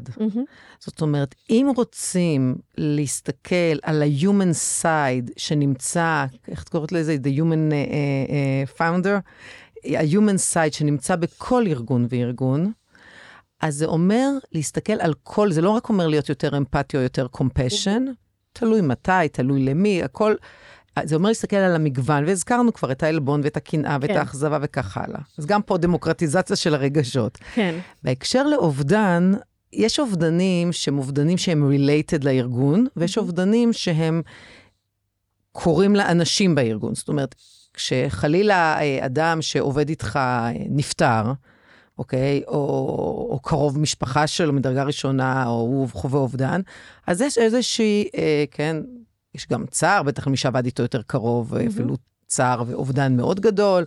אה, יש אובדן, תקראי לזה יותר ברמה הקונקרטית, אה, מי יחליף את תפקידו. Mm-hmm. אוקיי, אני חושבת שאלה דברים שהם יותר ברורים. לרוב הארגונים גם יש הרבה פעמים איזשהו פרוטוקול או נוהל אה, של תמיכה כזו או אחרת במשפחה, בשבעה ו- וכך הלאה. אבל בארגונים יש פרדות אה, שהן אה, נגרמות, ואובדנים שנגרמים על ידי הארגון, ופה זה נהיה יותר מסובך. כי שחלילה יש אובדן ש, שחבר צוות שלי חלילה חולה, ברור שזה צער, וברור שאני אני כאדם פרטי, ואנחנו כארגון ננסה לעשות כל מה שאנחנו יכולים, להקל עליו, על משפחתו, ובאמת, ויש ארגונים שעושים דברים אה, אה, באמת מאוד מאוד מרשימים בהרבה מאוד רמות, גם אה, רגשיות וגם פיננסיות. אבל מה קורה באובדנים שאני הארגון אני המחולל שלהם? Mm-hmm. למשל, בפיטורים. Mm-hmm. או לא משנה, במיזוג שגרם לגל פיטורים, או, או לא גייסנו ופיטרנו, לא, לא משנה מה הסיבות. אני המחולל, אני המנהלת, החלטתי שאני אה, מפטרת אותך, ואולי עוד כמה, ואולי רק אותך, ועכשיו אני גם המחוללת של האובדן, זאת אומרת, אנחנו נאבד אותך, יכול להיות, ואת תאבדי את מקום עבודתך, ותאבדי חלק מזהותך, ותאבדי חלק אולי מהקשרים החברתיים שלך באופן מיידי. ושם אני חושבת שזה נהיה הרבה הרבה יותר מסובך להסתכל על זה. ואני חושבת שאחד הדברים שמאוד מעניינים זה שארגונים מאוד טובים, בטח ב enterprise, ב onboardings, אני רואה תהליכי onboardings באמת מהממים. ובאמת שיטתיים, ועם מעקב data, וכל פעם משפרים, וקבוצות מיקוד, ומצד העובד, ומצד ה buddy, ומצד ה... דברים, דברים יפהפיים, וזה גם באמת מאוד עוזר, בטח בארגונים גדולים שאתה יכול ללכת לאיבוד. ויש הרבה פחות את המקבילה של ה offboarding. Mm-hmm. ואם אנחנו מסתכלים רגע על כל ה cycle, ואנחנו אנחנו בעידן שאנחנו ב-2023, אנחנו בעולם עבודה לגמרי אחר מזה של הורינו, ודאי אף אחד מאיתנו לא יהיה באותו ארגון, או רובנו לא נהיה באותו ארגון עד הפנסיה, ויהיו פרדות, חלקם מרצון שני הצדדים, וחלקם מרצון צד אחד, וחלקם בבחירה, וחלקם באילוץ. הדברים האלה קורים ויקרו. ואז זה אומר שיש כל מיני, אנשים עוברים אובדנים שקשורים לעולם העבודה, וזה גם האדם עצמו המפוטר, אבל צריך גם, זה גם אלה שעבדו איתו. Mm-hmm. זאת אומרת, כי השאלה... וזה גם אלה שהמחוללים. וגם המחוללים, ה-executors, mm-hmm. כן? האלה שצריכים, אה, אה, המנהל ישיר, משאבי אנוש, מי שצריך, כשאת מדברת עם אנשי משאבי אנוש, שבתקופות שהיו אה, בדות, בבועה אה, של שנת 2000, כאלה שעברו שם גלים אדירים של כל יום, אנשים באמת יצאו ממש עם חוויה של פוסט-טראומה. זאת אומרת, של לעבור אדם-אדם, חבר וחברה, קולגה, ולשלוח אנשים הביתה, ולא תמיד היה ברור למה, כי השוק לא היה טוב, אה, לא פשוט.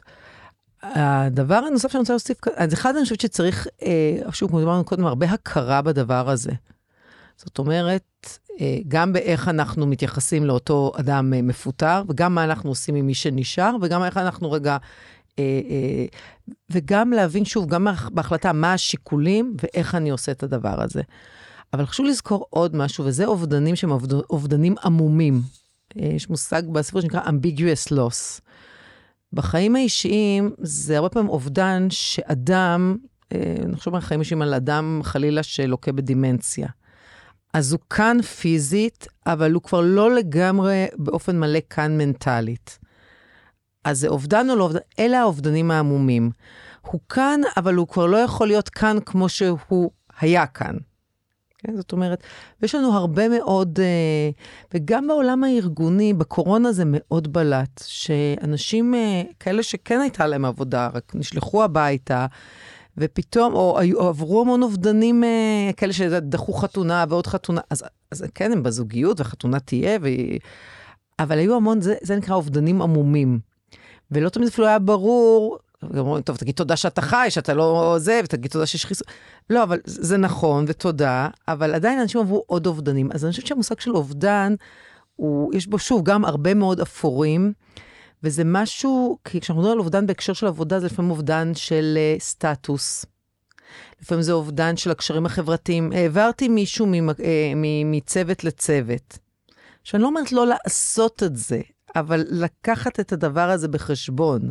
כן? וזה זה הרבה פעמים ההכרה בדבר עצמו, שבאה דרך השיח, היא הדבר. אגב, את אמרת קודם על הלשיים, ונזכרתי ככה באמירה ש... איזשהו פרופסור של לפני המון המון המון שנים אמר, אה, אה, דוקטור עמי פריאגו, למדתי אצלו, הוא פעם אמר, מה שלא מדובר, מתנהג. Mm-hmm. וזה אפרופו to go למנהלים, זה להבין, זה לא שאני חושבת שמנהל צריך עכשיו לפתוח קליניקה של פסיכולוג עם כל אחד ואחת מהעובדים. זה לא המנדט, זה לא הצורך, זה לא התפקיד.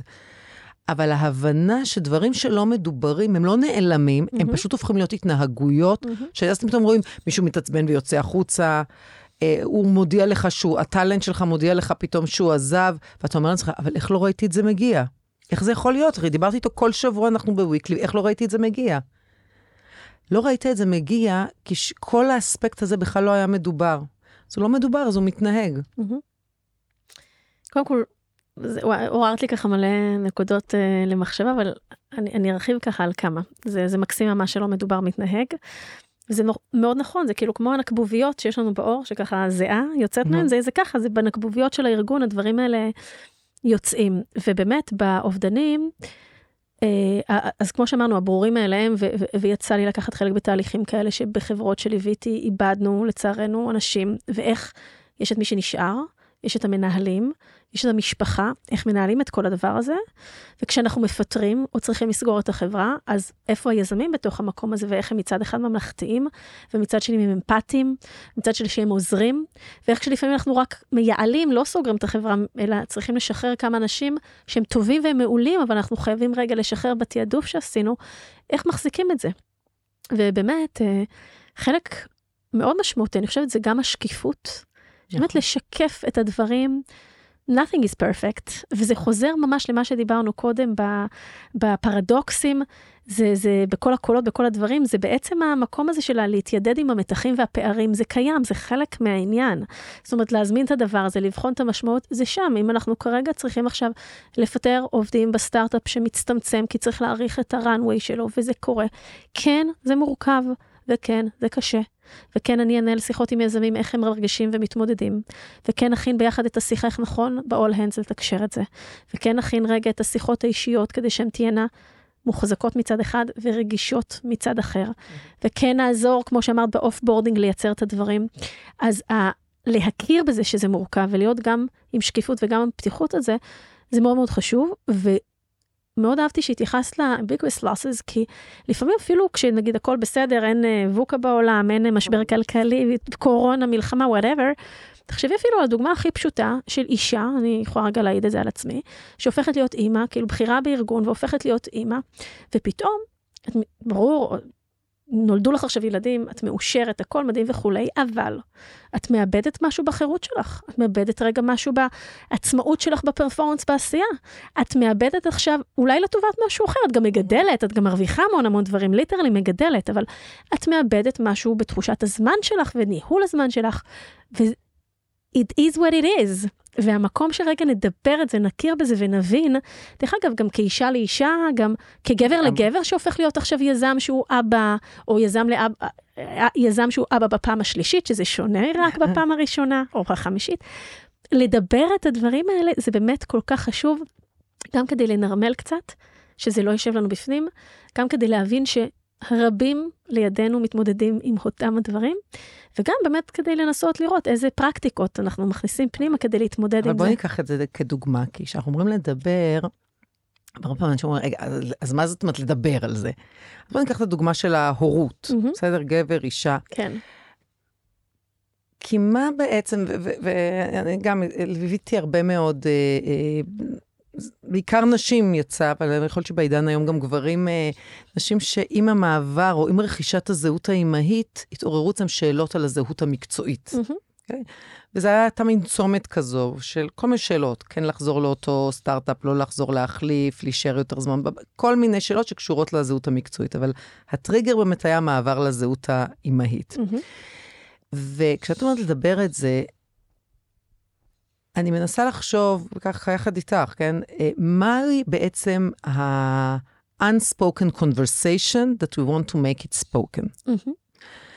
אז אני אתחיל, וכאילו, let's dialogue, אנחנו, אני ככה עושה איתך את זה איתך אה, בחי, פעם ב live, ראשון, לגמרי ב live. אז אני חושבת שה-unspoken conversation זה שהרבה נשים, אני מדברת ככה ממקום של נשים, אבל אני אשמח גם נביא את הקול הגברי, הן רוצות לומר, נולד לי ילד, או אני בהיריון וייוולד לי ילד, ואני אוהבת אותו, אוהב אותו, ואני אוהבת את העבודה שלי, והיא מעניינת אותי, ואני רוצה להישאר בה, אבל אני נורא מפחדת.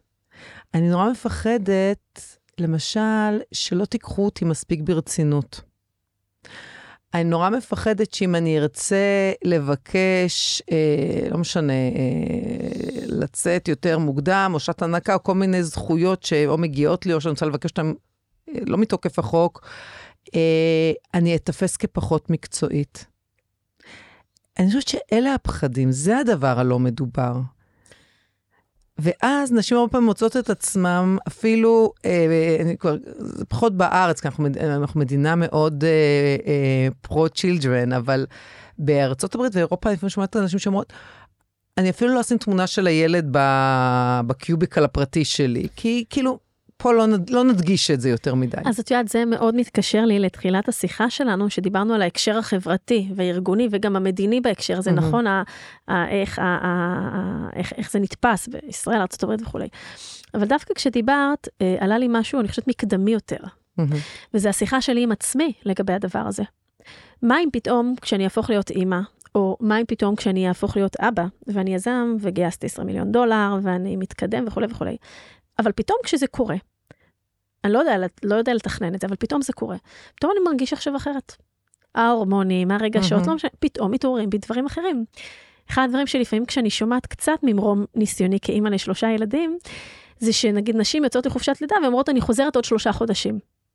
ואני בליבי אומרת, מאיפה את יודעת שתחזרי עוד שלושה חודשים? אולי תרגישי אחרת. עכשיו, זה בסדר וזה בסדר, אין פה בכלל עניין של שיפוטיות, אבל mm-hmm. המקום רגע של לאפשר לעצמנו להרגיש את הדברים, או נגיד מישהו שרוצה עכשיו, יזם שרוצה עכשיו רגע להיות, אה, להקים סטארט-אפ, ובדיוק עכשיו אשתו, בת זוג שלו צריכה ללדת, והוא שואל את עצמו רגע בתוך המקום הזה, האם אני אהיה מיינדד לתוך הדבר הזה mm-hmm. עכשיו לגמרי? אני חושבת שלשאול את עצמנו רגע את השאלות עוד לפני ההקשרים החברתיים, הארגוניים, זה מאוד חשוב. רגע להכיר, אפרופו דמוקרטיזציה של mm-hmm. הקולות, להכיר אה, בכף, במה, בעצם זה רק בכף, אה, ולהכיר במה שעולה בנו, וגם לדעת שזה זה ככה זה כעת. זאת אומרת, אני היום בת 41, אני יכולה, אני עשר שנים אה, אימא, שלושה ילדים, זה הכל היה לצד ההתפתחות של הקריירה שלי. אני מאוד מאוד יודעת להגיד את ה... איפה המחירים היו לי גדולים מדי, איפה עשיתי איזונים כאלה ואחרים, איפה הרגשתי ככה או אחרת, איפה הרגשתי שמה שאני מרגישה כבר לא נכון לי, איפה הרגשתי שמה שאני מרגישה כן נכון לי.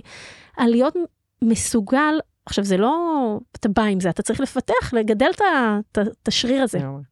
זה בעצם מסוגל... שיחה בשלוש רמות. אני מסכימה איתך, אני מסכימה איתך שזו השיחה הראשונה. זאת אומרת, אותם נשים שאני פגשתי וליוויתי באותה צומת מקצועית, שהטריגר היה ההיריון, לידה, חופשת לידה, אה, הם בעצם באו אליי כי הם התקשו לנהל את השיחה הזו עם עצמם. אוקיי, אז הם אמרו, אני מבולבלת, אני לא יודעת, אני לא יודעת, ובעצם, אוקיי, אז ביחד איתם עזרתי להם, נקרא לזה, לנהל רגע את השיחה הזו, ולהתחיל להבין מה חשוב להן, ואיפה הן, ומה המחירים, וככה. ואין נכון ולא נכון. לגמרי, אבל... וגם לנשים וגם לגברים השיחה הזאת קיימת, חשוב לי לנרמל את זה. אבל זה, זה level אחד, זה נכון. הגבר עם עצמו, האישה עם עצמה, אבל גם בדוגמה שלך זה בלט, ה-level הנוסף זה עם בן או בת הזוג. Mm-hmm.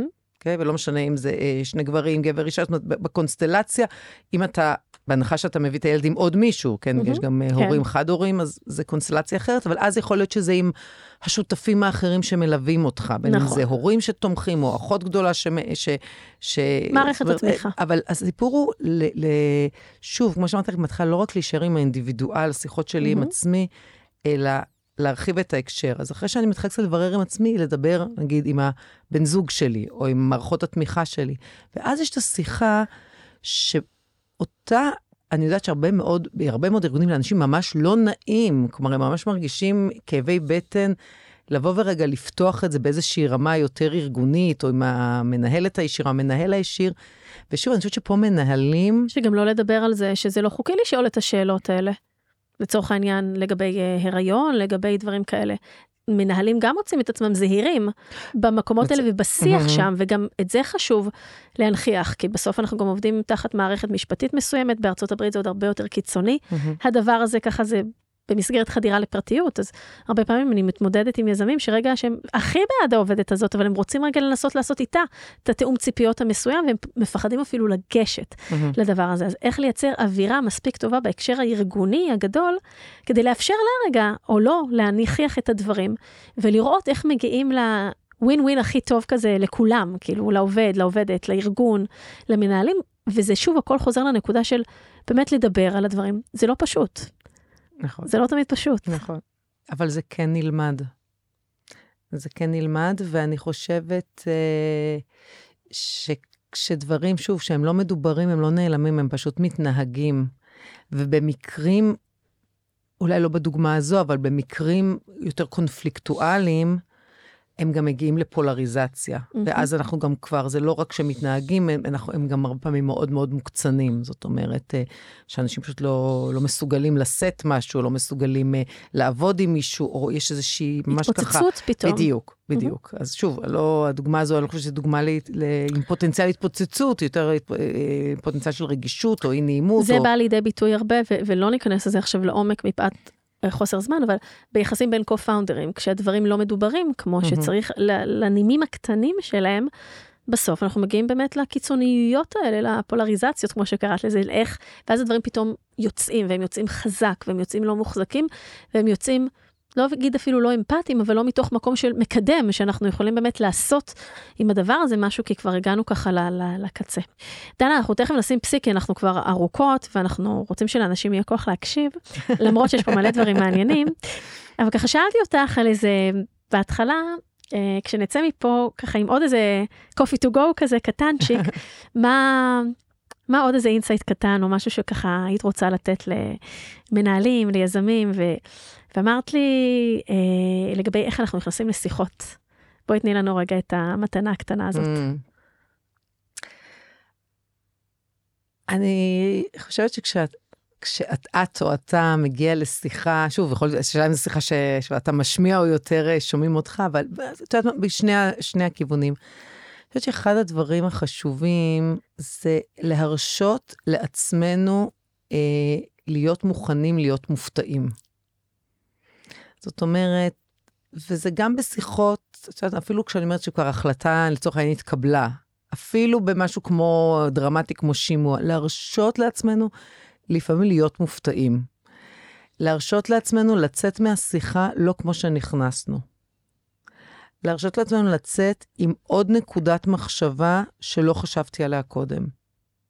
עכשיו, שוב, זה יכול להיות בשיחה one on one, זה גם יכול להיות בשיחה משהו יותר קבוצתי, וזה גם יכול להיות, אגב, פסיבי, שאתה בא ושומע הרצאה, כן? אה, אני תמיד אומרת שאני מרצה הרבה בארגונים, אני תמיד אומרת שמבחינתי, אם כל אדם יצא עם הרהור או ערעור אחד או מחשבה אחת, זה יכול להיות to go, אבל זה יכול להיות משהו עם סימן שאלה, שבן אדם mm-hmm. פתאום שואל את עצמו, האומנם בעקבות mm-hmm. ההרצאה, mm-hmm. או שהוא יוצא עם, אז, אה, אז דייני. אז זה באמת, זה נפלא, וזה באמת יושב על המקום של ה-curiosity, של לבוא עם סקרנות אה, לדברים, שזה אנחנו מכירים הרבה מהמיינדפולנס ומהזן בודהיזם וממקומות mm-hmm. אחרים. ובאמת להיות מופתע, אה, בעברית זה משחק על שתי משמעויות. אה, זה גם ההפתעה, אבל זה גם הפליאה. יכולה להיות נכון. גם הפליאה מהיופי שבדבר, מההשתאות באלף, אל מול הדבר הזה של... וואו, כזה נפל לי עכשיו איזשהו משהו שלא נפל קודם, ואיזה כיף שאני לוקח את זה איתי, ובאמת מכולם יש לנו משהו לקחת, זה לא משנה אם אנחנו מנהלים, אם אנחנו עובדים, אם אנחנו הקולגות, הבני זוג, ככל שככה אוזן, אוזננו תהיה קרויה יותר וליבנו יהיה פתוח יותר אה, וחפץ, אז אנחנו נגדל, אנחנו פשוט נגדל מתוך המקום הזה, זה לפחות ככה אה, מה שאני מאמינה בו. דנה, דיברנו על מלא מלא דברים, ועל מורכבות, ועל התנהגויות ארגוניות, ועל איך לגדל אנשים בתוך ארגון, ועל uh, התמודדות עם כל הקולות uh, שיש לנו בראש, והדמוקרטיזציה שלהם, ו- ועל ככה איך להתמודד עם אובדנים, והפעם בדגש דווקא על האובדנים העמומים, אלה שפחות מדוברים, או פחות בולטים, או פחות כוללניים. זאת אומרת, לפעמים יכולים להיות משהו נקודתי ככה קטן, אך מאוד... Uh, משמעותי, אז תודה רבה על כל הידע ככה ששיתפת על הדברים, ואני יודעת שיש לנו עוד מלא, אבל בסדר, זה נמשיך אה, לפרק אחר. איפה ככה אפשר למצוא אותך, מי שמעוניין אה, להרחיב, לדבר, ללמוד אצלך יותר? אה, קל למצוא אותי בלינקדאין, בפייסבוק, יש את המייל שלי של האוניברסיטה באתר. אני... את שם. אני שם, אני פתוחה, I'm present. והלב שלי פתוח. איזה כיף. אז שוב תודה שבאת. תודה למאזינים, לך, גלי. אנחנו נשים פסיק עד לפרק הבא, ככה אני גם אומרת ליזמים שלי מסשן לסשן. אותנו ניתן למצוא בפלטפורמת הפודקאסטים המובילות, ספוטיפיי, Apple Podcast, Google Podcast ונוספות, ואתם מוזמנים לעשות subscribe כדי להתעדכן ראשונים על הפרקים החדשים. מוזמנים לבקר באתר שלי בגלי-בלוכלירן.קום ולהשאיר שם את הפרטים שלכם כדי להתעדכן וללמוד עוד על ההיבטים המנטליים של יזמים. וזהו, תודה ל Google for Startups שמאפשרים לי להקליט כאן את כל התוכן החשוב הזה, פרק אחר פרק. ואם נהניתם, אני ממש אשמח שתפיצו את הפודקאסט ליזמים ומשקיעים שאתם מאמינים שיקבלו ממנו ערך. שמים פסיק, ניפגש בפרק הבא. ביי, דנה, תודה. וגם שלוש נקודות. וגם שלוש נקודות. סטגדיש.